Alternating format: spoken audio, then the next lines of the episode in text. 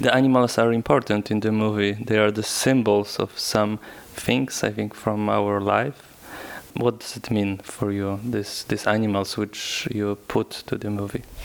I love uh, microcosm, and for me also this film is uh, obviously about a family and a girl and, and friends, but it's also like a microcosm of what is outside.